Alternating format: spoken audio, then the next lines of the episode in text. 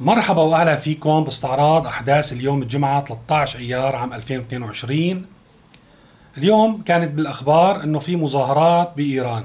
شو في يا جماعة؟ والله في ارتفاع باسعار المواد الغذائية في إجراءات حكومية ل يعني رفع الدعم عن بعض المواد ومنها القمح أو الخبز هيك مثل ما فهمت. المهم الشعب الإيراني جوعان. وهون بدي أرجع أنا لحتى يعني نحن مثل ما قلنا أهم نتيجة من الإيجابيات يمكن الإيجابية الوحيدة يلي هالأحداث ممكن نستفيد منها نحن كسوريين إنه نتعلم. هلأ في دول قوية مثل الولايات المتحدة الأمريكية هي قوة اقتصادية يعني بالعلم بكل القطاعات هي متصدرة يعني في العالم. هي القوة الداخلية تحافظ عليها الولايات المتحدة الأمريكية من خلال تمددها إلى الخارج وتحقيق مكاسب إضافية لهذه القوة. وهذا شيء مفهوم.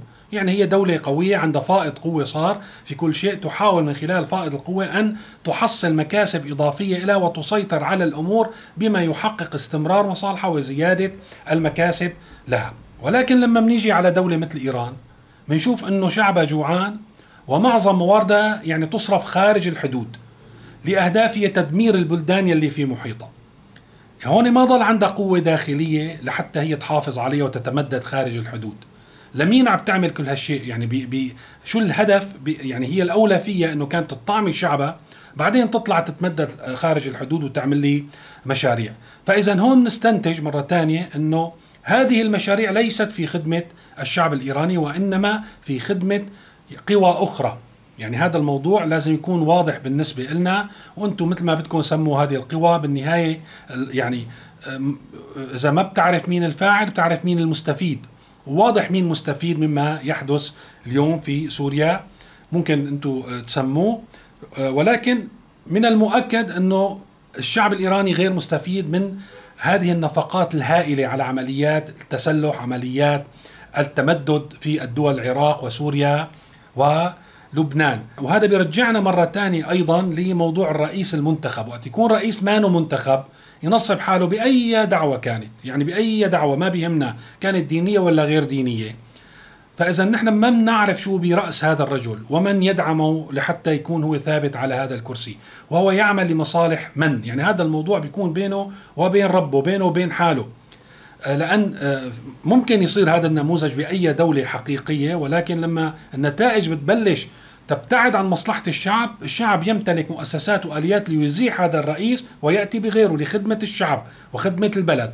بحال الرئيس المانو منتخب الدكتاتور بأي صيغة من الصيغ من السهل أن يتم الوصول إلى هذا الدكتاتور ويتم إذا ما كان هو أساسا يعني ينتمي إلى القوى الخارجية ويتم استخدامه لتحقيق مصالح قوى خارجية ليست من ضمن بلده ليس لمصلحة شعبه. هذا الشيء اللي عم بيصير بإيران وعم بيصير بدول المنطقة.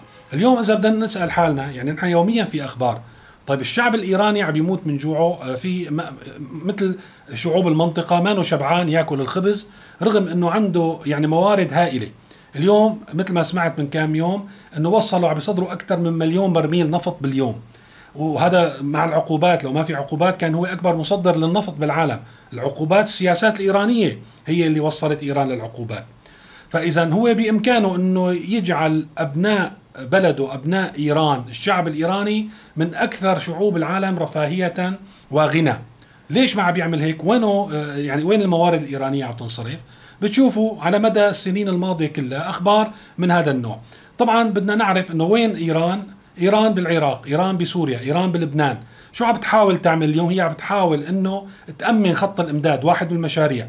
خط الإمداد اللي يمتد من إيران إلى العراق من العراق إلى سوريا من سوريا إلى لبنان. أه، بتشوفون مسيطرين على مدينة البوكمال الحدودية ومعبر القائم هناك بشكل كامل تحت حراسة الحرس الثوري الإيراني.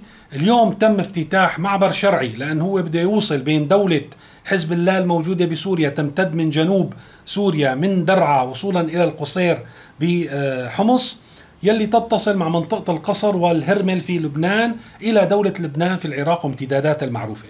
هن عندهم معابر غير شرعية ولكن اليوم باعتبار هن يعني عم يخطوا خطوات واسعة باتجاه تأسيس الدولة داخل الدولة أو على أنقاض الدولة السورية. فهن عملوا معبر آه، شرعي آه، رسمي تحت سيطرته المطلقة راح يكون. يعني ما راح يكون في أي سلطة لأي جهة أخرى. أنا بأكد لكم بمعبر يلي فتحوه اليوم يلي هو هو مركز مطربة الحدودي.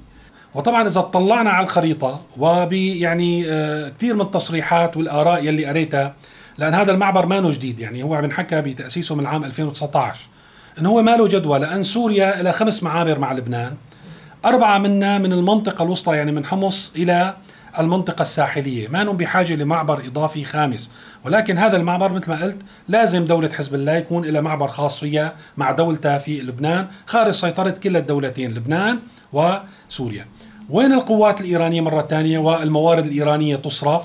في تخريب سوريا أيضا. في أيضا تأمين لسه هذا الطريق في عنده كان مشكلة كان في القوات الروسية بشكل أو بآخر تسيطر على المنطقة بين آه، تدمر وحمص اليوم يعني فعل الغزو الروسي لأوكرانيا والعقوبات التي فرضت على روسيا. صار عندها مشكلة بالنقل الجوي والنقل البحري. صارت تعتمد على إيران فهي مضطرة تقدم لها لإيران مكاسب في سوريا أو مقابل في سوريا لحتى إيران تسمح لروسيا إنه تنقل طائراتها أو التعزيزات و آه، يعني ما يلزم لها لقواتها في سوريا عبر إيران. فقدموا لإيران أنه هن يسيطروا أيضا على المنطقة عم بتعزز قواته وهذا كله بده موارد وبده صرف عمين على حساب الشعب الإيراني لتدمير الشعوب في المنطقة لمصلحة قوى خارجية مثل ما قلنا. قوى يعني لا تنتمي إلى هذه المنطقة أساسا. فاذا هن عم يعززوا أيضا بخبر هذا اليوم عم يعززوا تواجدهم بالبادية السورية من منطقة تدمر إلى حمص. أيضا أين تصرف الموارد الإيرانية؟ ومرة ثانية كلهم في مثل هالأخبار لحتى نعرف هذا كله بده صرف. حتى القروض والخط الائتماني اللي عطوه آه لسوريا. هن ما بيعطوه خط ائتماني لأن هن عندهم أمل بأنه آه النظام يعيد هذه الأموال وفوقها فوائد. لا لحتى هن عم بيعطوه لحتى يزيد عجز النظام ويحسنوا ياخذوا مكاسب يوم بعد يوم على حسابه. آخر شيء رح يقلعوه يطردوه. يعني وهذا الموضوع أنا بالنسبة لي مؤكد. يعني بيوم من الأيام إيران رح تتخلص من نظام الأسد.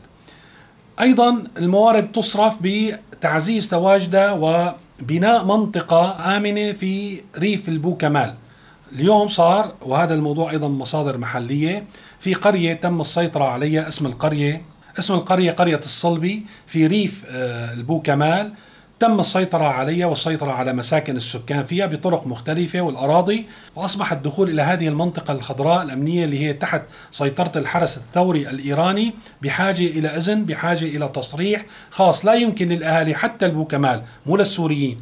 لأهالي البوكمال يلي هذه القرية بريفون أنه يدخلوا لهذه المنطقة بدون إذن من الميليشيات الإيرانية. فإذا هذا ما تفعله إيران في المنطقة.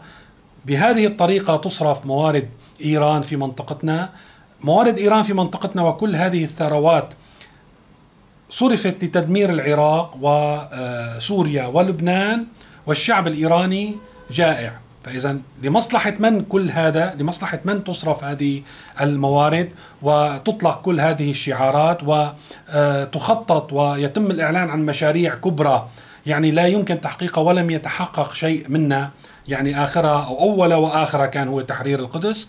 هذا الموضوع بتوقع صار أصبح واضح الجواب ما في داعي نرجع نحكي فيه.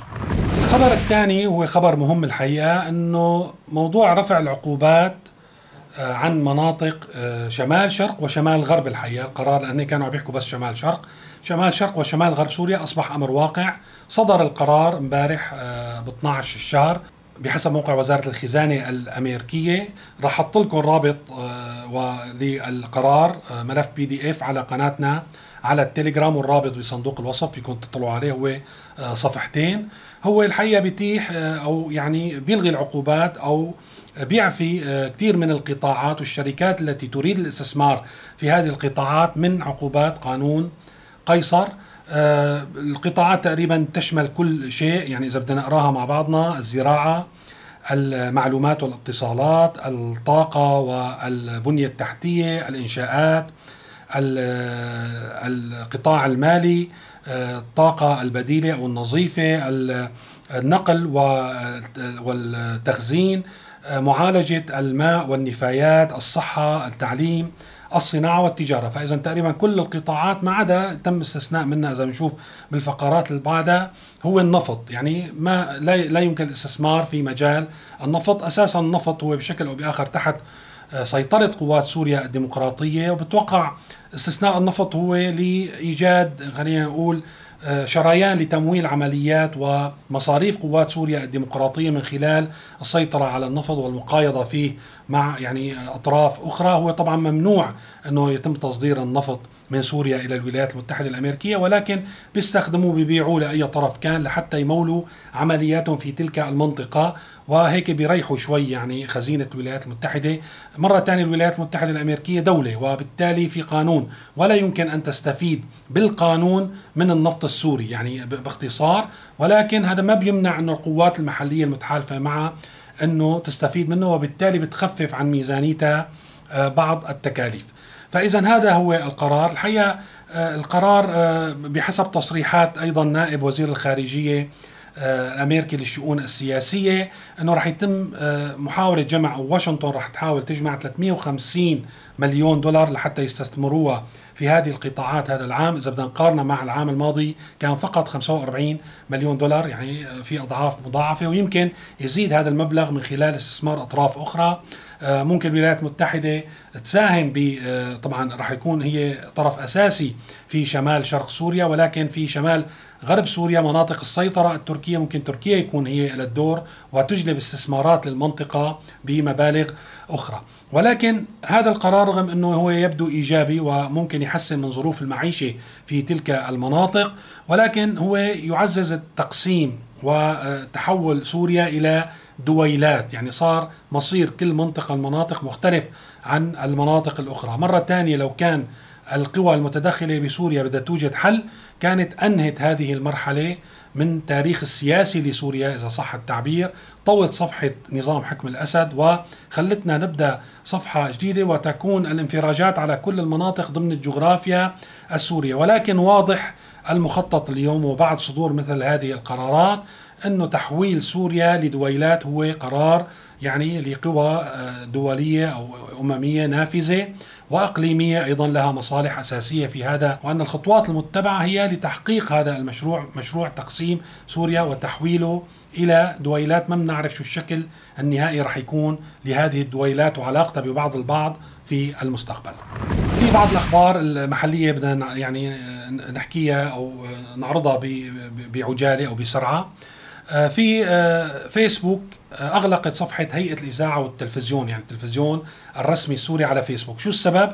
هو نحن زيادة التملق والتمسح والانبطاح لروسيا. ريبال الهادي حطيت مقاطع من الأغنية مطرب يعني منبطح سوري عمل أغنية لبوتين ولروسيا. حطيت مقاطع منها من كام يوم جمعتها مع تصريحات لخالد العبود بنفس السياق اللي هي الانبطاح لروسيا.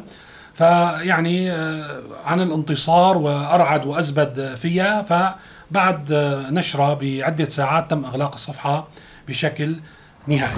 الموضوع الأخير بدنا نحكي عليه هو هذا القرار يلي قدامكم برفع مخصصات طعام رجل الاطفاء بسوريا إلى 2000 ليرة سورية يوميا.